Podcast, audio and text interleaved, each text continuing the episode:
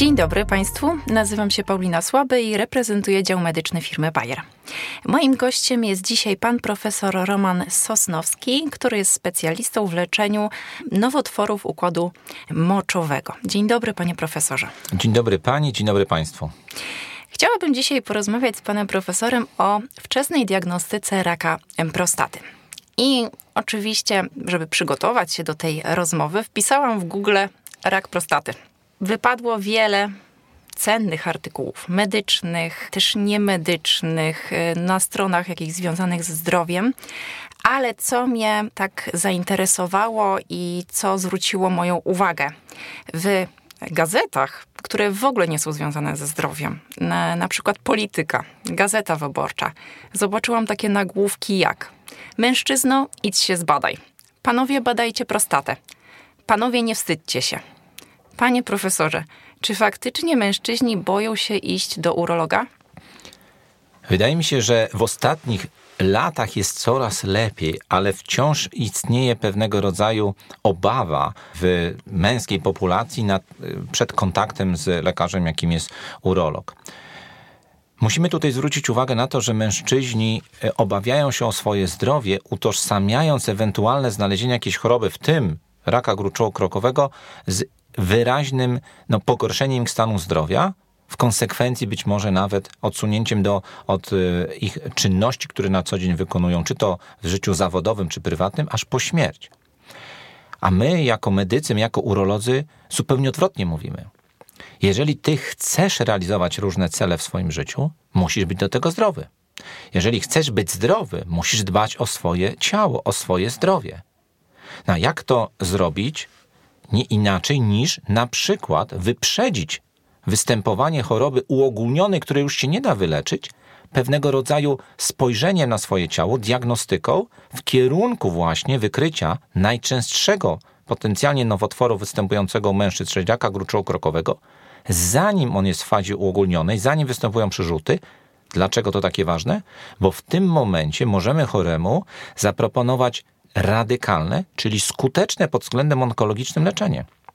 Czyli pacjent na koniec takiego postępowania terapeutycznego jest zdrowy, jest bez nowotworowych komórek i wtedy może dalej realizować swoje cele zawodowe, prywatne i tak dalej. Więc tak, są takie hasła. Panowie, trzeba się przestać bać, panowie, trzeba zadbać o swoją prostatę, panowie, nie wstydźcie się. Ten wstyd, to zażenowanie wynika jeszcze z jednej ważnej takiej przestrzeni, nazwijmy to, a mianowicie urolog po pierwsze pyta pacjenta w czasie spotkania o dosyć intymne rzeczy związane z funkcjonowaniem układu moczowego, ale i też sferą seksualną, a także dokonuje różnego rodzaju badań, w tym no, dosyć intymnego badania palcem przez kiszkę stolcową, czyli badania gruczołu krokowego, w którym to ocenia spoistość, wielkość i tak dalej, no, tego narządu. Zapewniam wszystkich Państwa, że my jako urolodzy dokładamy absolutnie należytej staranności do tego, żeby to badanie było a. zupełnie bezbolesne, dwa. w godnych warunkach, w spokoju. Proszę zwrócić uwagę, że to badanie jest no, relatywnie bardzo tanie. No bo wystarczy doświadczony urolog, prawda, leżanka czy jakiś przestrzeń, e, pokój lekarski, a urolog już ma pewne podstawowe informacje. Oczywiście, my dzisiaj sięgamy po wiele, wiele innych narzędzi diagnostycznych, ale to pierwsze badanie jest istotne. Czyli rozmowa może być no, krępująca dla mężczyzny, badanie może być krępujące, ale znowuż, jeżeli ty, mężczyzno, poddasz się temu, dzięki temu inwestujesz swoje zdrowie. A dzięki temu być może wykrywany będzie u ciebie nowotwór na bardzo wczesnym etapie. To leczenie, które chcemy tobie wdrożyć wówczas, jest leczeniem być może obciążającym, ale w minimalny sposób, bo możemy dobrać te minimalnie obciążające metody, czy to jest metody leczenia operacyjnego, czy to metody związane z radioterapią. To panie profesorze, powiedzmy teraz, co powinno zaalarmować tego mężczyznę, jakie objawy, żeby on poszedł do tego urologa. I tutaj ja e, trochę przewrotnie powiem, że właściwie mężczyzna nie powinien czekać na takie objawy. Dlatego, że jeżeli te objawy występują, a szczególnie jeżeli one są związane z rozwojem choroby i przerzutami, to właściwie my możemy wdrożyć leczenie, ale ono nie jest już leczeniem, które jest leczeniem radykalnym tak? Przerzuty do kości na przykład są e, przyczyną bólu mhm. kostnego i w związku z tym no, my już wtedy podejrzewamy i potem no, diagnozujemy chorobę ogólnioną. Ale zanim te objawy występują, pacjent zgłaszać się powinien do urologa na takie sprawdzenie urologiczne. Pytanie jest dobre kiedy? Mówimy ogólnie około 50 roku życia, chyba że są chorzy, którzy są szczególnie w grupie ryzyka. Tak? Czyli chorzy w szczególnej grupie ryzyka to tacy, u których w rodzinie, tej najbliższej, występują nowotwory, w szczególności nowotwór właśnie gruczołu krokowego, ale także to są i inne nowotwory, jak na przykład nowotwory jajnika czy nowotwór trzustki to są chorzy, u których te nowotwory w najbliższej rodzinie wystąpiły w młodym wieku, tak? czyli przed 60 czy nawet wcześniej mhm. rokiem życia. To jest grupa, która jest szczególnie obciążona różnymi zaburzeniami genetycznymi, zespołami zaburzeń genetycznych, które, w których to różne nowotwory mogą występować. Ci chorzy być może powinni się zgłosić do nas około 45 roku życia. I chcę podkreślić, to spotkanie pierwsze z urologiem jest absolutnie bezpieczne dla pacjenta ani nie jest bolesne, ani nie jest nieprzyjemne. Po prostu urolog porozmawia, dokładnie sprawdzi o problemach, nazwijmy to, związanych z układem moczowym, zbada chorego i zaplanuje dalsze postępowanie. Odpowiadając tak już bezpośrednio na Pani pytanie, niestety nie mamy takiego objawu, który jest charakterystyczny dla raka gruczołu krokowego, który gdyby występował, pacjent się zgłasza, mamy rozpoznanie i tak dalej. Najczęściej mężczyźni zgłaszają się z powodu problemów z oddawaniem moczu, które jest związane z łagodnym powiększeniem gruczołu krokowego, czyli jakby mężczyzna się starzeje, zmienia się struktura gruczołu krokowego, jest tak zwana przeszkoda podpęcherzowa w oddawaniu moczu i co w konsekwencji doprowadza do częstszego oddawania moczu w nocy, w dzień, trudności z rozpoczęciem e, oddawania moczu, rozpoczęciem miksji, długotrwałą miksją, czyli wąskim, takim słabym strumieniem moczu. Czasami e, krwiomocz jest też takim sygnałem. Nam zależy na tym jednak, żeby to spotkanie było, nazwijmy to, ze zdrowym pacjentem. Wówczas jest takie pojęcie e, angielskie early detection, czyli to właśnie wczesna diagnostyka, wczesne e, wykrywanie, potencjalnie badanie jakby e, mężczyzny pod kątem występowania raka gruczołu krokowego. Jednym z elementów też takiego spotkania jest oznaczenie stężenia białka w surowicy krwi, jakim jest PSA.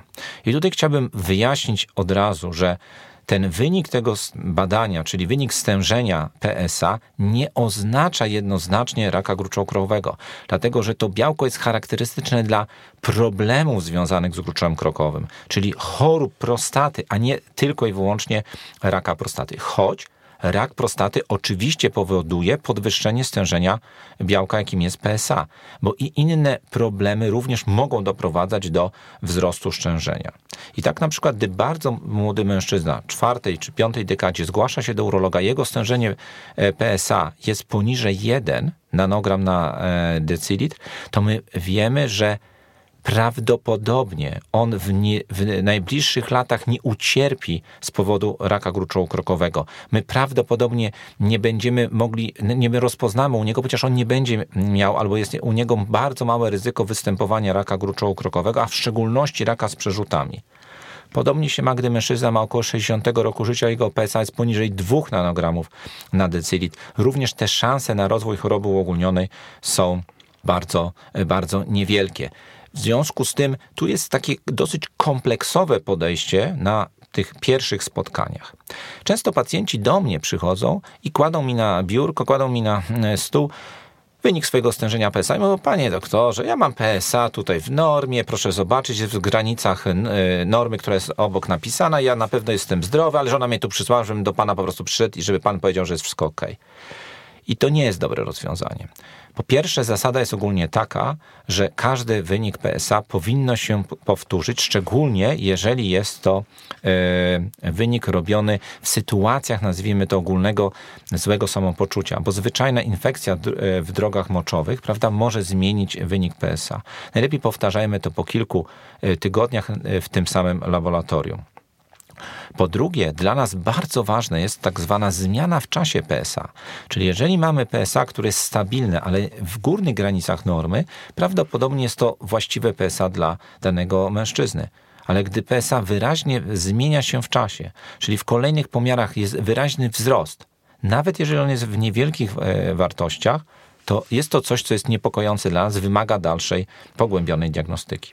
Czyli podsumowując, kiedy rośnie ten wskaźnik PSA u mężczyzny, wcale nie powinniśmy brać tego najbardziej czarnego scenariusza pod uwagę. Ale powinniśmy zareagować, powinniśmy się zgłosić. W, w, najlepszym scenariuszu powinno wyglądać to tak, że mężczyzna przychodzi z partnerką na przykład na rozmowę do lekarza, do urologa, on mu tłumaczy ten proces jakby związany z powstawaniem potencjalnie choroby, choroby nowotworowej, jakimś rak gruczołu krokowego, wskazuje mu ścieżki diagnostyczne, mówi o wadach i zaletach różnego rodzaju metod i pacjent dostaje skierowanie. Dopiero potem przychodzi już świadomy tego, z czym jakby przychodzi, z jakimi badaniami, po to, żeby zinterpretować je zawsze z lekarzem, zawsze z urologiem. To jest niezmiernie ważne. Nie możemy samemu, jako nieprofesjonaliści, analizować niektórych wyników badań. Już pan profesor dosyć szeroko opowiedział o diagnostyce, ale z tego co się dowiedziałam, to rak prostaty niestety powoduje dosyć dużą umieralność wśród mężczyzn w Polsce. Czy polscy pacjenci mają dostęp do wszystkich najbardziej nowoczesnych metod diagnostycznych? W obecnej chwili mógłbym odpowiedzieć, że tak, choć nie wszystkie są powszechnie w każdym miejscu dostępne dosłownie ostatnie lata, a nawet bym powiedział ostatnie nawet miesiące w naszych wytycznych, a posługujemy się wytycznymi Europejskiego Towarzystwa Urologicznego, zalecają dosyć, no nazwijmy to powszechne, to może nie jest dobre słowo, ale istotnie częste wykorzystywanie rezonansu magnetycznego wieloparametrycznego w diagnostyce gruczołu krokowego. Dlaczego to jest takie ważne? Dlatego, że jest to narzędzie badawcze, narzędzie diagnostyczne, które niejako potrafi zajrzeć do środka, do prostaty i nie tylko opisać budowę, wielkość, e, wymiary prostaty, ale również określić obszary, które są podejrzane na występowanie raka gruczołu krokowego.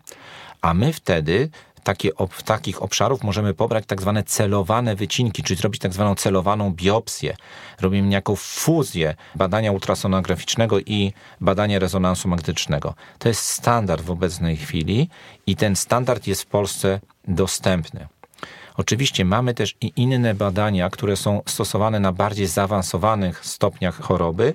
Z nimi ten dostęp jest w Polsce, nie jest może aż tak powszechny, to są kosztowne badania, ale w odpowiednich wyspecjalizowanych ośrodkach jest to Możliwe takim przykładem jest na przykład badanie PET-CT z galem, czyli badanie PSMA, które jest stosowane no, w dalszych etapach, nazwijmy to, historii naturalnej raka gruczołu krokowego.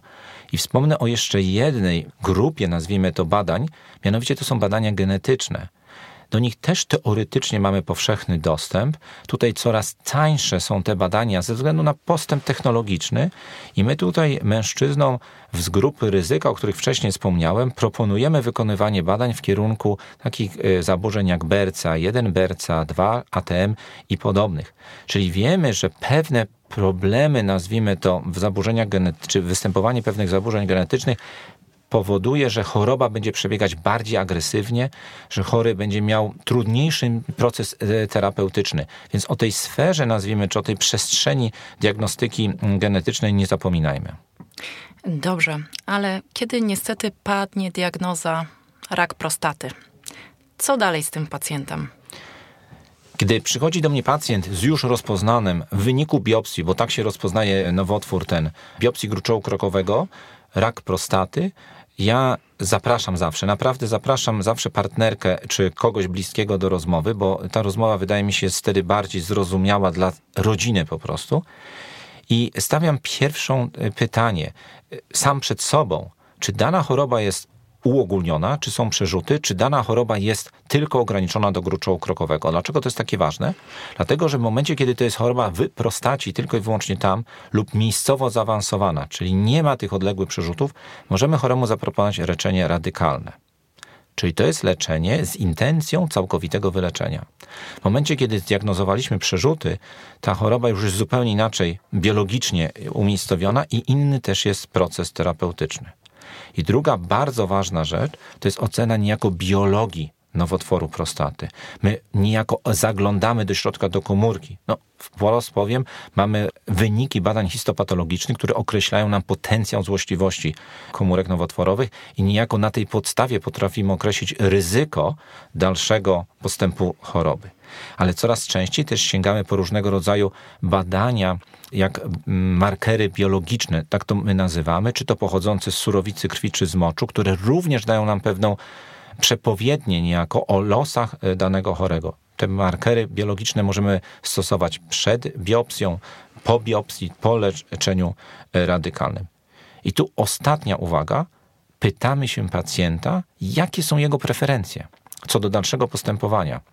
Czyli nie tylko bierzemy pod uwagę zakres choroby, biologię choroby, ale również preferencje. Te preferencje muszą być w oparciu o coś, o wiadomości na temat tego, jak wygląda dane leczenie, jakie niesie ze sobą ewentualne skutki pozytywne, ale i negatywne. Czyli to nie lekarz decyduje w 100%? To nie lekarz decyduje w tym przypadku, dlatego że można by powiedzieć, przypadek z rakiem gruczołu krokowego nie jest równy drugiemu przypadkowi. I my musimy, my to robimy i mamy do tego narzędzia, naprawdę zindywidualizować, dobrać celowanie daną terapię do danego pacjenta. I to niezależnie na jakim etapie, czy to na etapie choroby ograniczonej tylko do narządu, czyli tak zwanym leczeniu radykalnym, czy to na etapie choroby uogólnionej, gdy wdrażamy sekwencyjne leczenie związane na przykład z różnymi działaniami niepożądanymi. I ostatnie pytanie z mojej strony, panie profesorze. Czy pan jako urolog przeprowadza tego pacjenta czy może przeprowadzić tego pacjenta przez wszystkie stadia tej choroby, czy w pewnym momencie musicie się pożegnać i przekazuje go pan profesor do onkologa, bo jednak to onkolog kojarzy się jednak z chorobami nowotworowymi, a nie urolog. To dobre pytanie, a odpowiem na nie tak. Staramy się jako urolodzy stać się a wręcz jesteśmy takim lekarzem domowym mężczyzny. Dlaczego? Że dlatego, że mężczyzna choćby w związku z problemami, już niekoniecznie związanymi z rakiem prostaty, ale problemami związanymi z oddawaniem moczu, ze sferą seksualną, niejako intuicyjnie zgłasza się do urologa, niejako intuicyjnie chciałby porozmawiać i rozwikłać, nazwijmy te swoje problemy.